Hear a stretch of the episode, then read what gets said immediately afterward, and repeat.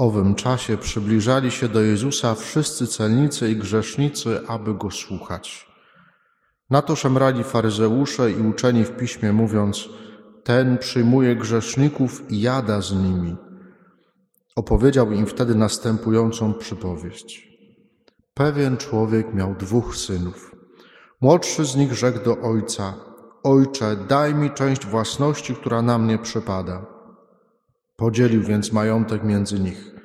Niedługo potem młodszy syn, zabrawszy wszystko, odjechał w dalekie strony i tam roztrwonił swoją własność, żyjąc rozrzutnie. A gdy wszystko wydał, nastał ciężki głód w owej krainie i on sam zaczął cierpieć niedostatek. Poszedł i przystał na służbę do jednego z obywateli owej krainy, a ten posłał go na swoje pola, żeby pasł świnie. Pragnął on napełnić swój żołądek strąkami, którymi żywiły się świnie, lecz nikt mu ich nie dawał.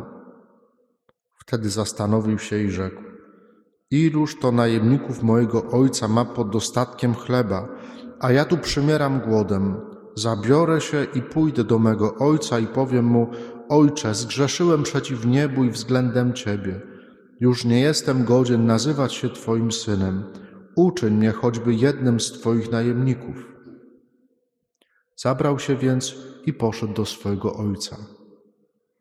A gdy był jeszcze daleko, ujrzał go jego ojciec i wzruszył się głęboko. Wybiegł naprzeciw niego, rzucił mu się na szyję i ucałował go.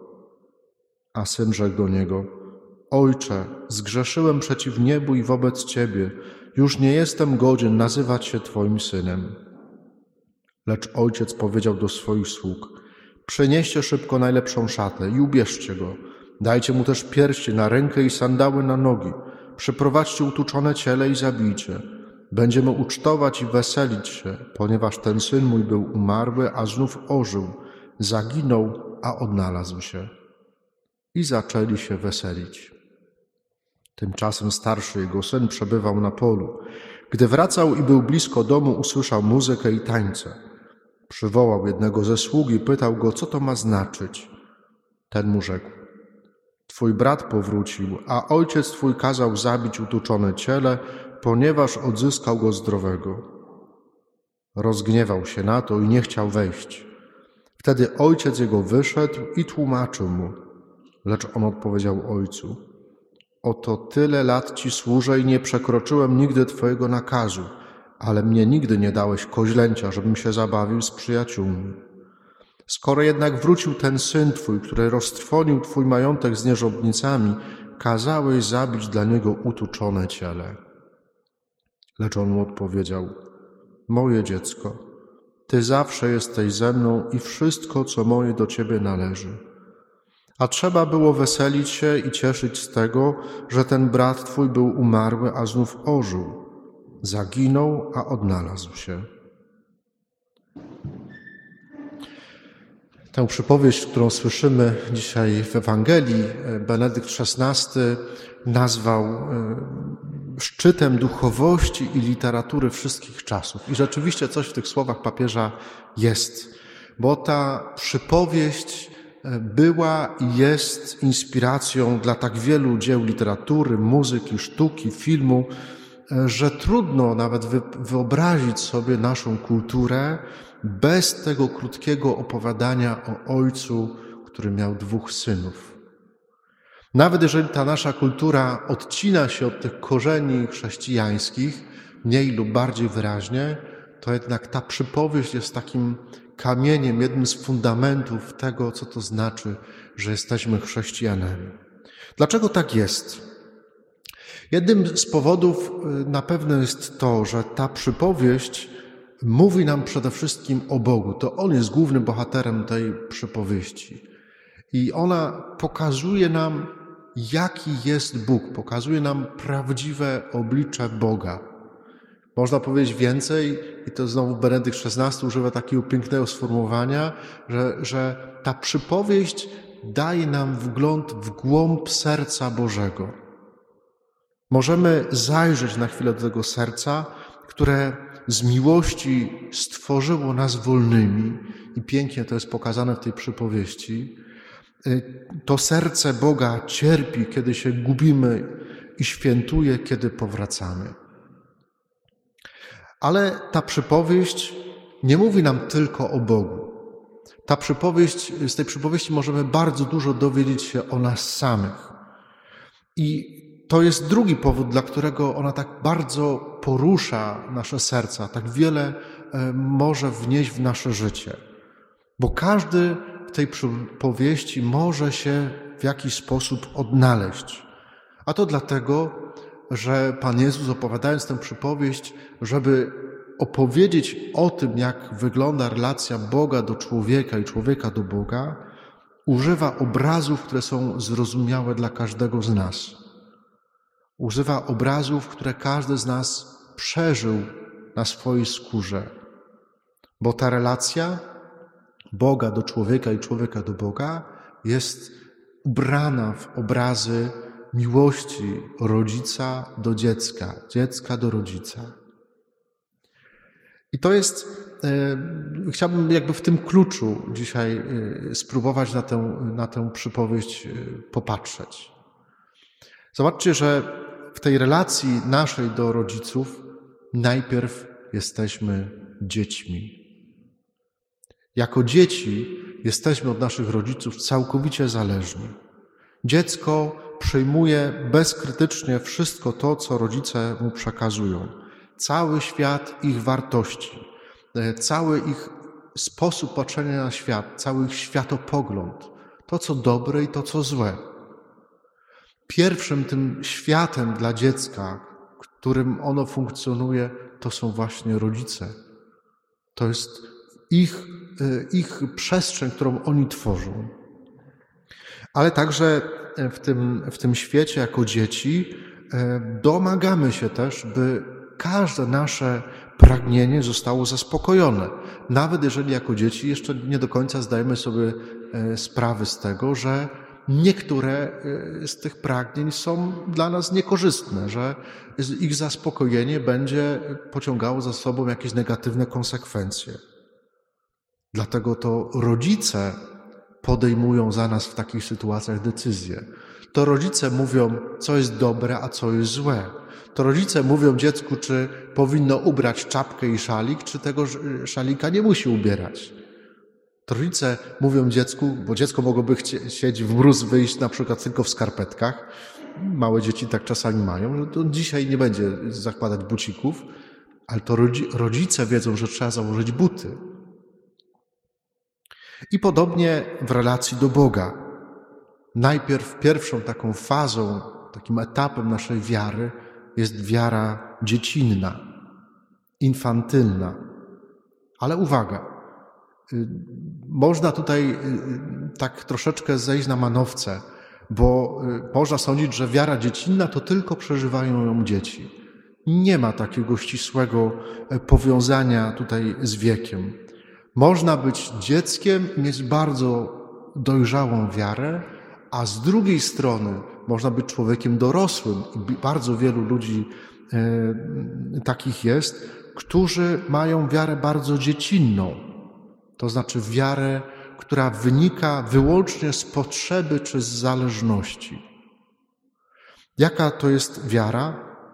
To jest taka życiowa postawa, w której modlę się, korzystam z sakramentów, chodzę do kościoła, czyli przeżywam cały ten świat, byśmy nazwali go pobożności, e, tylko dlatego, wyłącznie dlatego, że mam jakąś, mam takie pragnienie, mam ochotę na to. Nie idę do kościoła, bo nie mam takiej potrzeby. Zobaczcie, jak dzisiaj często słyszymy takie sformułowanie. Dlaczego pani nie chodzi do kościoła? Bo nie mam takiej potrzeby. Mam taką potrzebę na święta, żeby pójść, albo mam taką potrzebę, żeby pójść sobie, a jak nikogo nie ma w kościele, albo ja mam potrzebę, żeby pójść do lasu, ja tam czuję taką więź z przyrodą, z Panem Bogiem. To jest wiara dziecięca, dziecinna, infantylna.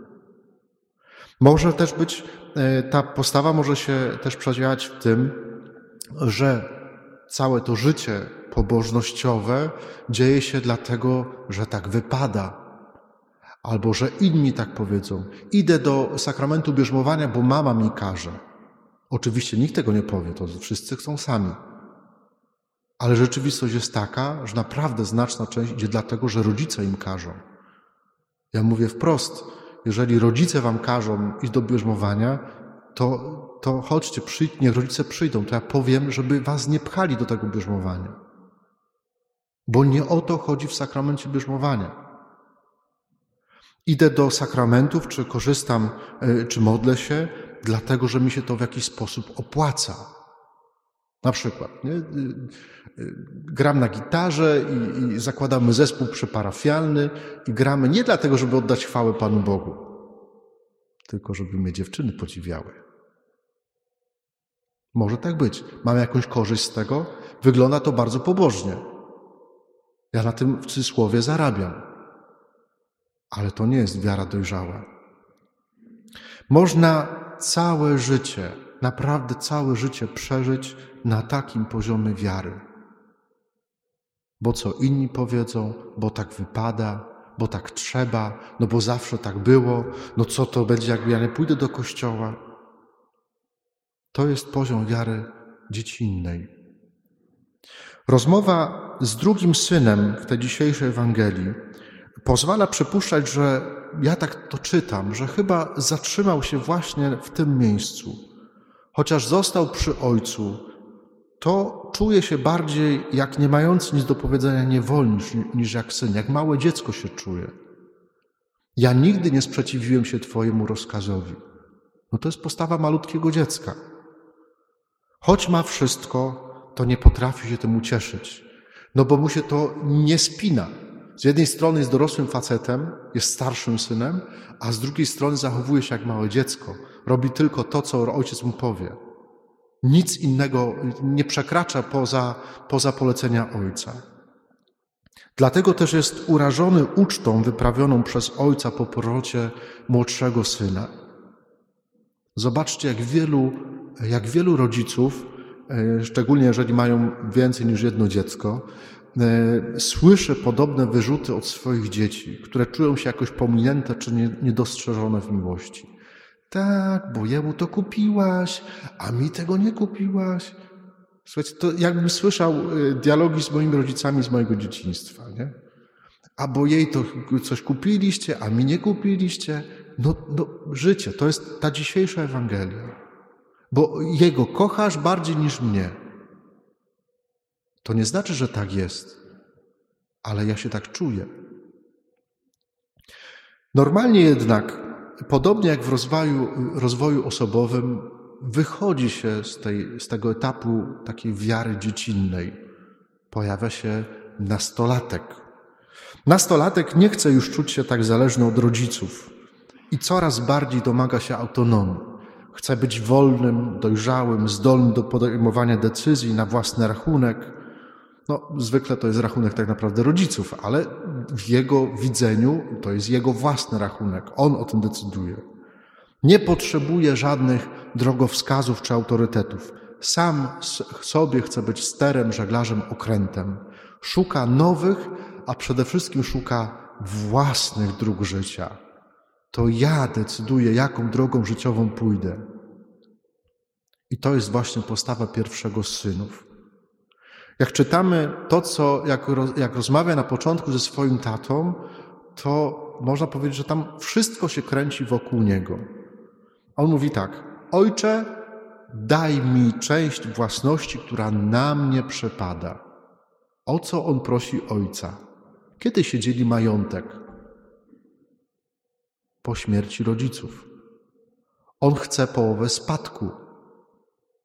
On uważa swojego ojca właściwie za kogoś nieważnego, za kogoś prawie że martwego. Ja teraz pokażę, jak to należy żyć. Daj mi część własności, która na mnie przypada. Ja tu jestem najważniejszy. Moje zdanie. Ten moment bycia nastolatkiem, tak jak w tym życiu naszym rozwoju osobowym, tak i w życiu wiary, jest bardzo delikatny. Bo to jest moment, kiedy to dorastające dziecko kwestionuje świat wartości przekazany przez rodziców. Rodzice czasami rwą sobie włosy z głowy, no bo on wszystko kwestionuje, czy ona wszystko kwestionuje, co było dla nas ważne. I w tym kwestionowaniu, które jest tak naprawdę wyznaczaniem też swoich granic, budowaniem swojej osobowości, bardzo łatwo przychodzi młodemu człowiekowi zakwestionować także ten świat wartości, jaki się wiąże z naszą relacją do Pana Boga, z, z wiarą. Szczególnie wtedy, jeżeli wcześniej ten młody człowiek otrzymał taki wykrzywiony, niefałszywy obraz Pana Boga. Dodatkowo jeszcze jest w młodym człowieku, i myślę, że każdy z nas to przeżył, nie wiem, ja to przeżywałem, jest taki, taki mocny pęd, taka, takie młodzieńcze pragnienie poznania prawdy. I cokolwiek byłoby jakoś tam zakrzywione, jakoś zafałszowane, to po prostu doprowadza takiego nastolatka do szewskiej pasji. To wszystko po prostu trzeba wyrzucić, czy wszystko jest złe. Tylko ja wiem, co jest dobre. Co robi ojciec z takim nastolatkiem w przypowieści? Pozwala synowi odejść. Nie wiąże go ze sobą. Daje mu w cudzysłowiu, w cudzysłowie należącą do niego część majątku i pozwala mu ten majątek roztrwonić w obcej krainie, w dalekiej krainie. My mówimy, że ktoś zszedł na psy. A tutaj w Ewangelii słyszymy dzisiaj, że on nie zszedł na psy, on szedł jeszcze niżej. On szedł na świnie. Ojciec daje mu pełną wolność i pozwala doświadczyć dramatycznych jej konsekwencji. Chociaż sam ojciec, jak to za chwilę zobaczymy, bardzo z tego powodu cierpi. Ojciec pozwala doświadczyć synowi owoców jego decyzji a doświadczony swoją sytuacją syn właśnie dlatego, że go życie przycisnęło, że to, te jego ideały, które miały się po prostu skonfrontowały z rzeczywistością, to w końcu ten syn dzięki temu zaczyna widzieć, co tak naprawdę stracił, opuszczając dom ojca. Ja tu nie mam co jeść, nawet mi nie pozwalają jeść tych, tych strąków, które świnie jedzą, a tam w domu mojego ojca słudzy mają potąd jedzenia. Pójdę i niech mnie ojciec chociaż przyjmie za swojego służącego, żebym już tak nie cierpiał. Ten młody człowiek porzuca mrzonki o tym, że jest silny, że jest samowystarczalny, że sam da sobie doskonale radę. I właśnie w tym momencie podejmuje najważniejszą w swoim życiu decyzję wracam do domu Ojca. Ta zmiana myślenia o sobie, o moim miejscu w świecie, o mojej relacji do, do rodzica, to jest to, co nazywamy nawróceniem. Nawrócenie to jest zmiana myślenia, zmiana patrzenia na samego siebie. I ono zwykle boli. Ono zwykle boli. W końcu ta przypowieść pokazuje nam miejsce, taką rzeczywistość, w którym może zrodzić się wiara, którą nazwalibyśmy wiarą dojrzałą. Początkiem jej nie jest tyle nasze zrobienie tego czy tamtego, ale to, że Bóg na nas zawsze czeka. To jest miejsce, przestrzeń, w której, w której rzeczywistość, w której może zrodzić się dojrzała wiara. Zobaczcie, co robi ojciec tej Ewangelii. A gdy syn był jeszcze daleko, ujrzał go jego ojciec, wzruszył się głęboko. Tam jest dosłownie takie określenie, które oznacza, że mu się wszystkie wnętrzności wywaliły do gór nogami ze wzruszenia. Tak był poruszony tym wszystkim. Wzruszył się głęboko, wybiegł naprzeciwko niego stary ojciec.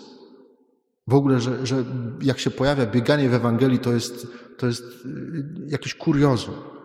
Tam starzec nie biegał w tamtej kulturze, a tu jest, że on wybiegł naprzeciwko niego, rzucił mu się na szyję i ucałował go. To jest, tak czeka na nas Ojciec. I podobnie zachowuje się wobec drugiego z synów. Może nie ma tam tylu emocji, ale jednak jest ciekawe, że kiedy ten drugi syn nie chce wejść do domu, to co robi ojciec? Wychodzi do niego i tłumaczy mu: Moje dziecko, Ty zawsze jesteś ze mną i wszystko, co moje, do Ciebie należy. Wszystko. Dojrzała wiara rodzi się ze spotkania tego mojego osobistego nawrócenia, tej mojej zmiany myślenia o tym, kim ja jestem, z doświadczeniem miłosiernego Boga, który przychodzi i mówi mi: Słuchaj, jesteś moim ukochanym synem, moją ukochaną córką. Wszystko, co moje, jest Twoje. Kiedy przychodzimy z taką wolą nawrócenia, z doświadczeniem naszych grzechów, przychodzimy do Boga Ojca, to mówi: Jesteś moim ukochanym dzieckiem. Wszystko, co moje, jest Twoje. Wszystko. Jesteśmy na półmetku Wielkiego Postu. Myślę, że to jest naprawdę dobry moment, żeby zapytać o to, w którym miejscu tej przypowieści Pana Jezusa dzisiaj się odnajduje, do której z tych postaci jest mi najbliżej.